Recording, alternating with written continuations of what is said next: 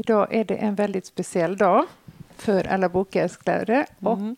biblioteksvänner. Eh, det är världsbokdagen.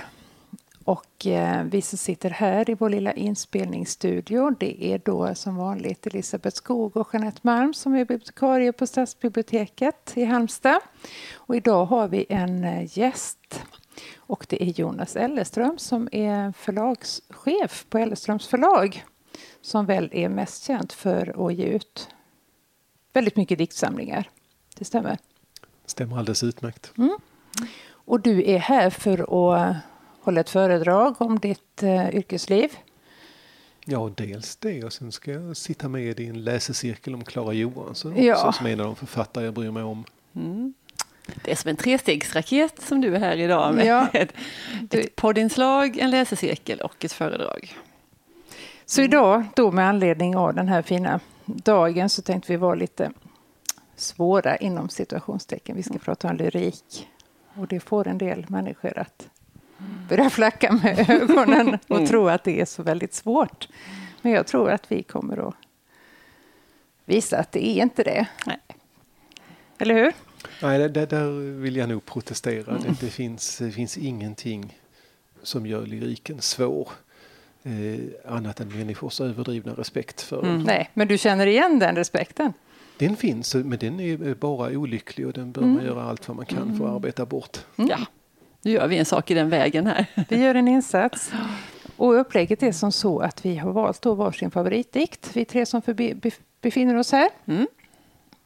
Och jag har då fått äran att börja och eh, i det här huset, Stadsbiblioteket, så har vi ganska många gemensamma litterära idoler och mm. eh, en av dem är Wisława Szymborska, polsk poet som fick Nobelpriset 2011, 10?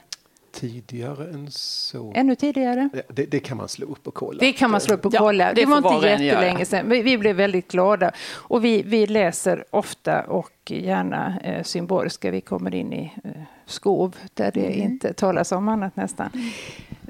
Eh, dikten som jag har valt heter Nära ögat och den lyder så här. Det kan ha hänt, det måste ha hänt, det har hänt förr, senare, närmre, längre bort. Det har hänt, men det hände inte dig. Du blev räddad för du var först, du blev räddad för du var sist. För du var ensam, för det fanns folk, för du gick åt vänster, åt höger. För det blev regn, för det blev skugga, för det var soligt väder. Som tur var fanns där skog, som tur var fanns där inga träd. Som tur var en skena, en krok, en bjälke, en broms, en dörrsmyg, en sväng, millimeter, sekund. Som tur var flöt ett halmstrå på vattnet. Följden var, och därför, och ändå, trots allt, hur skulle det ha gått om en hand, en fot, ett tuppfjät, en hårsmån från ett sammanträffande så du är här, raka vägen från ett andrum. En maska hade nätet och du slank igenom. Jag kan nog inte förvånas, är förstummad, hör bara hur ditt hjärta bultar i mig.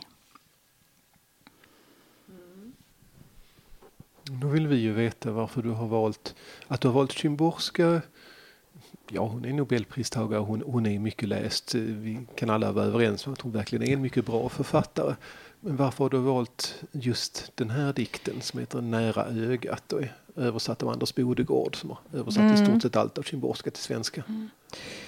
Eh, en av anledningarna var nog det här med att ta bort det här svåra över poesin. För jag tycker att det här är då en ganska enkel eh, dikt. Det finns inte utrymme för så jättemycket tolkningar utan eller det kanske det gör, men min tolkning är i alla fall att det här är ju, handlar ju om slumpen och att vi då vem som helst kan råka ut för vad som helst och att man kanske inte förtjänar den positionen man befinner sig i utan att man har råkat vara på rätt plats vid rätt tillfälle vid fel plats vid fel tillfälle. Och jag tycker hon gör det så oerhört. Hon, det är de här motsatserna som hon ställer mot varann för det blir regn, för det blir skugga, för det var soligt väder. Alltså det är förhållandena som råder just där och just då. Och de här små räddnings... En skena, en krok, en bjälke, en broms som då fanns där vid rätt tillfälle. man får flytta sig lite utanför dikten. Jag tänkte på att du så där självklart sa, to, använde ordet tolkning. Mm. Eh, och det är ett ord som jag tror att vi inte använder när vi talar om när vi har läst en roman eller en novell eller en tidningsartikel. Eh, formellt sett är det vi gör hela tiden. Mm. Vi tolkar alla texter. Mm. Vi vet egentligen vet vi om det. Det är erfarenheten från läsecirklar, från samtal med vänner. Ingen läser samma text på samma sätt. Nej. Men ordet tolkning, som är ännu ett av de där orden som löper risk att skrämma bort folk, mm. dyker så lätt upp när vi talar om poesi, när vi mm. läser dikter. Eh, och det är ett alldeles riktigt ord, men jag bara varnar för klangen i det mm. hela, just för skrämselfaktorn i det hela. Eh, sen håller jag med dig om att en av de väldigt, väldigt fina sakerna med Wisława Szymborska är ju just det här tilltalet mm. som tycks riktat till alla och en var. Mm. Som verkligen inte stänger någon ute. Nej, det är inget svårt. Hon har ju inte ofta... Eh, hon anspelar ju inte på annan litteratur så ofta utan det är ganska konkreta vardagssituationer som hon gör eh, poesi av. Och så är det, det samtidigt väldigt existentiellt i mycket. Ja. Men det är inget svårt över det utan det, det är ett vardagligt tilltal men med ett väldigt drabbande, med ett drabbande språk. Mm. Och jag älskar den här avslutningsraden. Hör bara hur ditt hjärta bultar i mig, som då Bodil Malmsten har använt som titel till en av sina loggböcker. Ja, och inte det, men det är ju också den detalj som gör dikten med sitt vardagliga ordval, med sitt öppna tilltal, gör den väldigt raffinerad. Mm. Mm. Därför att vad Szymborska gör då, är ju att hon inte bara tilltalar varje läsare med du. Utan vi förstår att hon tilltalar också sig själv mm. med du. Hon ser sig själv mm. utifrån. Hon gör med andra ord ingen skillnad på sig själv och alla andra människor. Dikten blir ännu öppnare mm. och mer, mera inkluderande på det sättet. Eh, det enkla är ofta nog det svåra. Mm. Eh, inte det svåra i betydelsen att det skulle vara svårt att uppfatta men det svåra att åstadkomma, det svåra att skriva. Mm. Och att då, som Anders Bodegård gör, tolka det till, där måste jag ändå använda ordet tolka, till svenska. Eh, vi har ju ingen aning om hur hon låter på polska. Men, Nej, men det känns som att det är så genialt på något på, sätt. på, på svenska. Jag älskar den där meningen som tur var flöt ett halmstrå på vattnet. För det där halmstrået är ju så laddat av, ja. liksom, man fick hjälp av ett halmstrå, liksom, man grabbade ett halmstrå. Mm. Tolka eller översätta. Mm. Eh, jag, jag, märker att jag själv, eh, som ni ser på de här pappren som jag har framför er, där jag har skrivit dit namnen på översättarna, mm. har just talat om, mm. skrivit mm. översättning Anders Bodegård. Mm. Eh, jag gör det ofta när vi ger ut böcker också. Jag är, är rekommenderar inte ordet, tolkning kan. Nu översätter jag själv ganska mycket poesi och tolkning kan bli lite för pretentiöst att tala ja. om. Det, så, det måste, tolkning är absolut på sin plats när man översätter rimmad och metrisk poesi. Mm. Där man måste mm. göra en version av originalet. Mm. Szymborskas raka enkla språk är naturligtvis det är inte det är ingen lätt sak att göra det i Bodegård. Det är mycket duktig och är väldigt väl förtrogen mm. med henne. Eh, så att han var det både som person, var nära vän till henne och, kan ju hennes språk utan till och innan. Eh, och jag tror att, att eh, vad han gör är just att ge en, en, en riktig motsvarighet till samma enkelhet. Mm, mm. Det var ett jättefint tv-program för några år sedan på SVT där man de hade filmat henne och intervjuat henne. Det var ganska strax innan hon dog tror jag. Som jag önskar att det kunde finnas och leta fram på SVT Play men jag har inte lyckats hitta det. Men såg ni det? Nej, jag vet att vi har pratat Jätte, om det. Ja. Jag minns inte om jag såg det eller om jag blandar ihop ja. det med, med andra bilder jag har mm. sett med, med mm. sådant som Anders just har berättat mm. om sina möten och så vidare. Mm. Det. Han var med också i det programmet. Ja, parentes. Mm. Ja, det är värt att leta efter. Men det var min dikt. Mm. Eh, vad har du ja. att erbjuda Elisabeth? Ja, nu, går vi, nu åker vi till, nu går färden till Norge till en poet som heter Ellen Einan. Och innan jag läser dikten så har jag lust att säga att jag kände, jag har inte känt till henne så där oerhört länge, men det var en artikel i Dagens Nyheter för flera år sedan. Som eh, jag, jag kan liksom se den framför mig fortfarande och det var någonting i rubriken där som jag bara tänkte, nej men det här måste jag läsa och fördjupa mig. Och det var det handlar om den här Ellen Einan, Jag är syster ensamt nattbarn. Um, och nu läser jag dikten som jag har valt. Jag skall vara i dörrarna och ska vara blank trädgård. Du ska vara en tjuv och komma tillbaka med bytet. Så ska vi två sväva över vattnen. Jag ska följa med till vackra hus. Döden har låtit mig gå, jag får sorgefärgen borttagen. Spjuvgrön kommer jag i dina träd om natten är tung av glädje. Din dansare är väl borta, så bra du har det. Kyliga små rum i barnahuset, mun och ögon, varma sömnhagar, bjällror. Mm. Mm. Där var den. Mm. Hon är ju inte på allas läppar, läppar. eller nejnan. Nej. Hon var en rätt eh, udda figur också i norskt litterärt liv. Mm. Levde långt bort från huvudstaden uppe i Nordnorge. Ja. Eh, umgicks inte egentligen med andra författare och mm. gav sällan intervjuer. Mm. Hon var ju fiskarhustru från Nordnorge. Mm. Har en stor produktion men samtidigt som hon är en så raffinerad språkkonstnär och det hörs ju mycket bra i Jörgen mm. Antonssons översättning också. Så är hon, eh, i alla fall om man får tro henne själv, eh, besynnerligt icke-litterär. Mm. För det här är ju naturligtvis en dikt av Elin Einan ur den enda volym som finns på svenska, ett urval som heter just Jag syster ensams nattbarn. Mm. Men Ellen Einan tog ju emot alla sina dikter utifrån. Hon skrev ner dem på andlig diktamen. Och eh, på samma sätt gjorde hon teckningar. Mm. Eh, så hon menade på fullt allvar och, med, ett mycket vardagligt tonfall, inget flum alls, mm. att, att eh, det var så det fungerade. De här dikterna kom till henne genom luften. De, de nådde hennes hjärnvindlingar och, och för, och hennes hand fördes och Hon var bara nedtecknare. Hon var den som nedtecknade. Mm. Och det där är ju en, en, en, dröm som har funnits hos många författare. Mm. Alltifrån romantiken. Det är det, egentligen är detta bara ett extremfall av vad vi kallar inspiration. Mm. Och för henne var det levande och påtaglig verklighet. Det, det, hon bestämde sig inte för att sätta sig ner och skriva dikter utan dikterna kom till henne mm. när hon hade tillräckligt många så var det ett manus som hon sedan skickade till förlaget.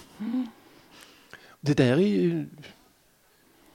Man kan låta den här berättelsen som hon själv gav betyda så mycket eller så lite man vill. Mm. Precis, för det eh. finns en flumvarning där och jag tycker det är så tråkigt om någon ska liksom fastna där och tänka att hon var... Ja, eller en sån anspråkslöshet att hon mm. inte hade någonting med tillkomsten att, att göra för att hon mm. var då småbrukarhustru eller fiskarhustru. Och, mm.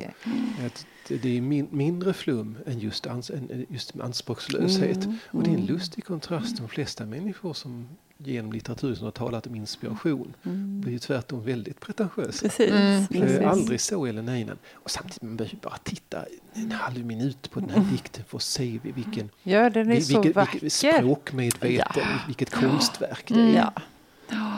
Som sagt, det, det, kan man lämna. Den handlar ju om döden också, mm, liksom Szymborskas ja, dikt. Vi, om och överlevnad och om... Det handlar ja. framförallt om överlevnad, om slumpen och hur mycket mm. tur man kan ha. Mm. Och det handlar, den, den rymmer ju ett dig också, ett ja. du. Mm. Ja. Det är väldigt spännande att tänka, vilka är de här personerna? Vilka vem är den här du-personen? Och vem vänder hon sig till? Och Nej, för jag tycker den, den, man blir liksom inte färdig med den här dikten. Jag har hållit på med den jätte, jättelänge. Och, sen, och det var just det här som stod i den här artikeln i Dagens Nyheter. Det var just det här spjuvergrön kommer jag i dina träd. Och, och, hela, och hela den mittenstrofen där tycker jag är så, det här döden har låtit mig gå. Jag tycker det är så att håret bara reser sig för att det mm. är så för så tänker jag nästan varje dag. Jag tänker det så ofta det här att, och det, och det tangerar ju Symborska det här att så där är det hela tiden. Mm. Att, ja, och, och, så tycker jag det är något det här spjuvergrön kommer jag i dina träd om mm. natten är tung av glädje och det, finns, det är något så sensuellt i det också, mm. sinnligt. Jo men det är många känslor och det är lite svårt, jag vet inte så bra du har det, kyliga små rum i barnahuset, mun och ögon. Mm. Alltså hur tolkar man det? Är det ironi eller är det ett konstaterande? Det här med kyliga rummen, det låter ju inte så harmoniskt precis. Inte så mysigt, nej. nej. Jag tror att ironi är väldigt långt bort, mm. borta från hennes dikter. Eh, jag tycker oerhört bra om henne. Eh, jag märker att, men jag märker att jag läser hennes dikter på ett lite annat sätt än mycket annan poesi. Mm. Eh, kanske utan något krav på fullständig förståelse. Nej, nej. Det, det, dikten kanske, eh, samma dikt kanske betyder olika saker mm. för mig mm. när jag läser den vid ja. olika tidpunkter, i mm. olika sinnesstämningar. Det gör inget, det, det, det, är en, det finns helheten. För en sådan finns ju bilda, det, det är mer av en stämning mm, än av en innebörd mm, mm, mm, kan jag tycka. Och jag är så, så tacksam att det finns en, en litteraturform som poesin som kan leva mm. på det sättet och mm. tillåta den formen av uttryck. Och samtidigt är det ju spännande att liksom tänka på de här orden och, och att man ser nya saker när man läser den flera gånger. Det här med mm. och skall vara blank trädgård. Liksom, det är ju väldigt sällan en trädgård beskrivs som blank. Och hur, mm. liksom, är den regnblank? Är den liksom konstruerat eller blank? Tom. Eller är den, mm. ja, mm. det är... Nej, men jag tycker man kan också vila i den där ovissheten på något sätt och som du mm. säger att det kan få man måste inte ha det hela helt klart för sig utan man kan också vila i stämningen som jag tycker är så... Ja, jag tycker det är en fantastisk dikt. Ja. Det är ju ett väldigt drömskt sätt att se vardagen. Mm, mm. Och där man har på känn att också nuet hela tiden, att minnena hela tiden flödar genom nuet. Ja. Att den mm. person som berättar är hela sitt liv i varje ögonblick. Att man mm. inte är låst vid en punkt.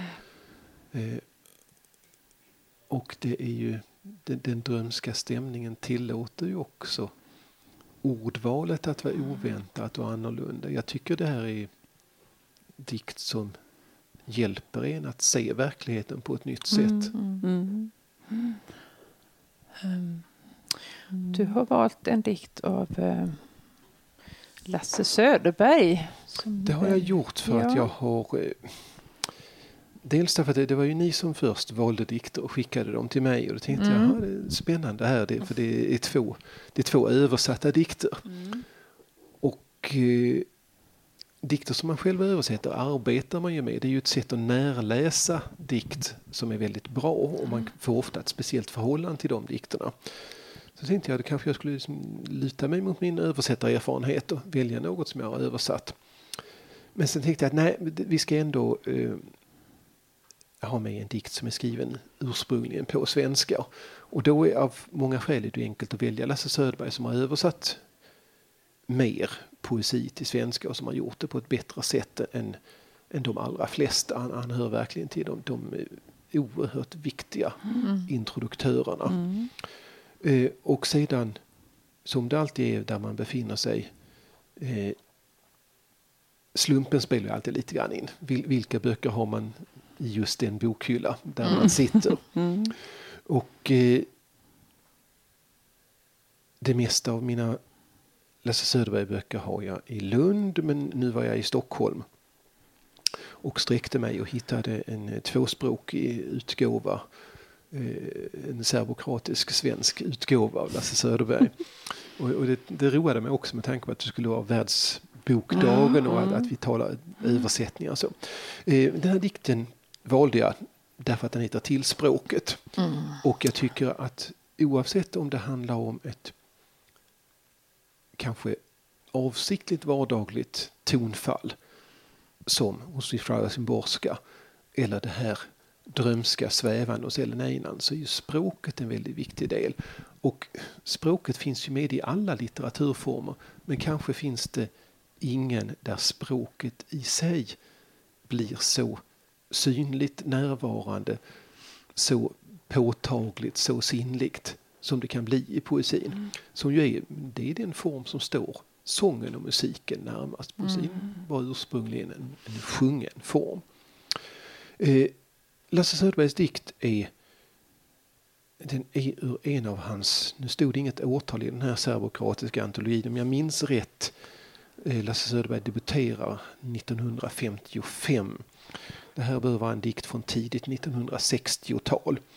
Eh, och då hör vi också att vi får ett tonfall här som också bär lite av sin egen tid och som man kan få att leva upp på nytt här. Mm. Eh, jag läser den och sen kan, vi kommentera den sedan för jag är nyfiken på vad ni mm. tycker om den. Mm. Lasse Söderbergs dikt Till språket. Hundlokor i sommarnatten, bleka systrar. Jag ber er lysa i min avlägsna stämma. Jag ber er vara min lampa, min tysta lampa som blottar fågeldunet i den knutna skolpojkshanden, nycklarna i källan, tärningskastet inom varje stillsam stavelse. Er mildhet sporrar mig längs fjärran dikesrenar och är inte längre mildhet när jag springande slumrar in i de nio vokalernas vagga. Mm. Jag tänker lite, jag associerade omedvetet till eh, Gunnar Ekelöf med barnet som sitter och leker, eh, leker med bokstäver. Känner du igen den dikten? Det gör jag. Jag trodde, det var, jag trodde det var hundlokorna som du tänkte på som Nej. Ekelöfs. Nej, ja, det, det, det, tärningskastet och vokalerna. Så det var bara någon sån här ja. egen association. Mm. och lampan. Det är också en lampa i inledningen på den Ekelöf-dikten. Mm det, det här, går, här skulle vi nog kunna sitta och, och vara mm. lite litteraturhistoriska ja. och, och mm. duktiga och, och le, leta saker. Och, och, säga att, att, att tärningskastet som aldrig upphäver slumpen. Ehm, jo, det, det är nog den franska symbolisten Stéphane Mallarmé som mm. spelar in där. Och så, mm. och så kan man komma ihåg att eh, Lasse Söderberg och Lars Håkan Svensson, en, en tio år efter den här dikten skrevs, började ge ut poesitidskriften Tärningskastet Aha. och så vidare. Mm. Men det är ju inte det riktigt viktiga. Eh, det, det, det är det är snarare vad dikten växer ur mm. än vad den ska föras tillbaka till. Mm. Vi ser ju omedelbart att det är en svensk dikt för svenska språket har nio vokaler. Ja. Mm. Eh, vi, vi, är ett, ett, ett, mycket vokalrikt språk. Det, det, är ett mm. fantastiskt språk för poesi egentligen. Eh, och jag tror att vi ser det svenska också i eh, sommarnatten. Alltså vi, vi, våra, våra ljusa nätter. Mm. Eh, och våra eh, hundlokeblommorna som lyser vitt i sommarnatten. Så, som är den lampa som finns. Eh, och jag tror att det finns i den här i melankolin i den här dikten också som, som svävar någonstans strax mm. över eller under mm. diktytan. Eh, Liksom faktiskt hos både Einar och Szymborska så finns ju också människans olika åldrar närvarande. Mm. Den knutna skolpojkshanden. Mm. Det po poeten ser sig själv både i nuet och i minnet. Och eh, hela tiden i vad som tycks handla om, om en, en nattpromenad eh, ut med en, en väg som tänker jag mig en grusväg och ha en dikesren där hundlok och blommar. Mm. Det, det, är ändå ett lite svunnet Sverige fast det så, ligger så nära i tiden. Så handlar det ju om språket mm. hela tiden. Eller rätt sagt, dikten är riktad till språket. Det, det är någon sorts tack till språket för att mm. den här mm. dikten är möjlig att skriva. Det, det, det, är ett urval av vad jag vad jag tänker på när, vad jag kopplar den här dikten till. Han leker liksom också med, med motsättningar i den som jag... Eh, om vi börjar bakifrån det här när jag springande slumrar in. Det är ju liksom en omöjlighet det där att springande slumra in. Mm. Um, det var något flera sådana ställen tror jag som, som jag tänkte på. Det är, ju en, det är ju en sinnesanalogi det där, min tysta lampa. Hur då tyst lampa? Men det är ju så härligt, men, men det är liksom... Um, det är så spänstigt och så levande i med de här motsättningarna tycker jag. Och sen, sen är det så, han, det är ju så oerhört medvetet gjort för där är ju sådana här bokstavsrim inom varje stillsam stavelse när jag springande slumrar in och de mm. vokalernas vagga. Det är ju, det är ju inga såklart inga tillfälligheter. Sen tycker nej, jag om... det, det är en jätteduktig hand, poesihantverkare ja. Mm. som har gjort den här dikten. Ja, och det är så härligt när man liksom får syn på det där. Alltså man märker det omedvetet kanske när man läser det, sen så tittar man noga så, så ser man... Man känner det. rytmen, man kanske inte riktigt ser varför det är nej, en, nej. sån eh, rytm förrän man börjar då närläsa den. Mm. Jag tyckte det var först på den sista, jag uppfattade den Bortsett från titeln då först som en naturlyrisk eh, dikt ända tills jag kom då till de här nio vokalernas mm. vagga som jag då mm. förstod titeln. Jo, det, det är ju en, en överraskningseffekt alltså mm. som kastar ljus bakåt över dikten. Mm, det är lite grann som slutraden hos Szymborska också mm. som, som då talar om att också hon är ett du mm. i diktens ögon. Jag tycker om att eh, dikten är den konstform som också tillåter det omöjliga. Mm. Eh, så, och, eh, som gör en konstruktion som att springande slumra in. Ja. Fullt möjlig. Ja. Och, alltså, det, den, mm. den stämmer förträffligt. Mm. Dik, dikten etablerar sin egen logik mm. på det sättet. Mm. Sen kan man ta den här dikten som ett skolexempel på att den fria versen eh, rymmer alldeles lika mycket konstfullhet ja, så, som någonsin. Eh, det är en dikt som är mm. uppbyggd kring stränga mm.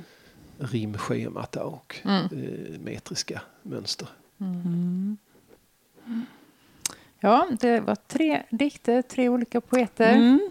Härligt och det är så roligt att få hålla på och ja, det... närläsa och fundera och mm. uppehålla sig vid orden. Mm. Jag skulle bara vilja fråga dig om du har någon sån här riktig favoritpoet som man borde läsa om man är det minsta intresserad. Vem är den bästa, största? Det är, det är väldigt svårt att säga. Ja. Eh, jag tror att man kanske ska tillåta sig själv också att tycka olika. Att poesin för mig är ju någonting som lä man läser därför att man på ett eller annat sätt behöver den. Mm. Och eh, ens behov skiftar med tiden på dygnet, med, med årstiderna, med, med, vilken situation man befinner sig i, i mm. sitt eget liv. Jag märker att kanske snarare i min egen läsning att jag återvänder ständigt, men kanske inte med jämna mellanrum, till vissa författare. Mm. Eh, än att jag hela tiden läser någon. Mm. Eh, I Sverige, Sverige har ett, ett, land med, med, en fantastisk poesitradition mm. egentligen. Eh, nu nästa vecka så begravs Thomas Tranströmer i Stockholm. Mm. Och, och, ett eh, land och ett språk som har en poet som Tranströmer eh, kan ju bara skatta sig lyckligt. Mm. Men jag vill ju inte avstå från någon. Eh, det här med öde ö-tänkandet eh, mm. förstår jag inte. Eh, jag vill ju naturligtvis ha med ett helt bibliotek. Mm. Jag vill inte avstå från Södergran, jag vill inte avstå från, från Ekelöf, Lindegren. Jag vill framförallt inte avstå från alla de nya dikter som tillkommer mm. hela tiden och som visar på nya sätt att använda språket och uppfatta vår omgivning och oss själva. Mm. Eh, jag försöker att läsa poesi från så många olika håll som möjligt på de språk jag behärskar och annars i översättning. jag, jag försöker eh, låta bli att, att låsa mig bara vid ett land eller en stil. Det innebär att jag försöker läsa både gammal och ny poesi. Och gammal är ju, ja, svensk är ju ungefär från 1600-talet och framöver. Mm. Eh, naturligtvis finns det saker som överlever bättre eller sämre. Men det där ändrar sig också. Mm. Helt plötsligt så, så, har ju poesiläsare märkt att det som tidigare bara var någon slags dammig, i bästa fall skollärdom, kan helt plötsligt stå fram mm. och vara väldigt levande. Eh, idag skulle jag väl inte eh, tycka att Runebergs Fänrik Ståls sängner har egentligen något poetiskt värde. Det finns oerhört bra saker i Runeberg. Mm. Alltså hans idyllepigram är fantastiska. Mm. Fänrik Ståls sängner tycker jag är, är eh, förljuget nationalistiskt trams mm. om jag skulle bedöma det ur en kanske snarare moralisk än poetisk mm. synvinkel. Men eh, min vän Sam Charters i Stockholm eh, som kom hit för att han inte uppskattade amerikansk politik och har varit verksam i Sverige i många år. Eh, han satt ju nu mot slutet, det som visade sig vara slutet av sitt liv och översatte Runebergs Fänrik Stål. Och, jag undrar lite grann med, med Sam, liksom, var, varför just varför? Varför Fänrik Stål? Jag tycker om det är fantastiskt. Det, det låter som amerikanska soldatvisor. Mm. Det, det, låter som det ena. Mm. Och, och det var just så där han såg musikaliteten, mm. rimmen och så vidare. Och där det för honom kanske också som amerikan att just historien, han kunde koppla det till, till amerikanska minnen av inbördeskriget och så vidare. Så han kopplade bort, eh, alltså han lyfte undan de moraliska raster som jag mm. lägger över det hela och såg det direktare mm. på ett sätt. Mm. mm. Och det är jättefint. Mm. Bra. Det, det, det behöver inte få mig att ändra uppfattning. Mm. Men det visar att precis samma text är möjlig att se på olika mm. håll beroende på vilken synvinkel man har på det hela. Mm. Eh, Wilhelm Ekelund vill jag inte vara utan. Eh, det är, han är för mig i samma period som Södergran lite tidigare. Eh, men det är, det är kanske mera Ekelunds hela författarskap eh, poesin som följs av essäer som följs av aforismer. Ett författarskap mellan 1900 och 1949. Det är kanske mera författarskapet som sådant, inte bara dess poetiska del. Mm. Mm. Men, men, ja. Ja, nej, men det ja. Ja, nej men det, och det är jätteintressant och det är härligt att få hålla på med, med lyrik och prata om det. Jag tänker att, att det är, för mig funkar det ofta som liksom bruks, eh, att man, att man behöver någonting, att man behöver, och då är det ju någonting med det här koncentratet, att man, jag vet att jag kan gå till en dikt av Kristina Lugn och så kan jag läsa en sida eller två och så, så får jag mitt behov tillgodosett ja. där och, så, och man kan dela det på ett sånt fantastiskt sätt med, med mm. likasinnade, att man kan liksom, åh, läsa det för varandra och de här raderna här och att det är mm. något så det, tycker, det, det, blir ju så unikt för, för lyriken, just den mm. aspekten. Att man, att man ibland också behöver vägledning till den, att man kan få det ganska enkelt och genom, nej men läs det här och så det är överskådligt på ett sätt som mm. ja, det finns jättemycket att säga. Biblioterapi. Oh, ja, mm. det kommer nog fler lyrikspecial här i Bibliotekspodden ja, såklart. Nästa vecka så har vi en annan gäst i studion. Då ska vi prata med Ylva Brännström som är konstpedagog här i kommunen. Och vi ska prata om vad hon läser för något. Ni är välkomna att lyssna. Ja, tack för idag. Tack för idag. Tack.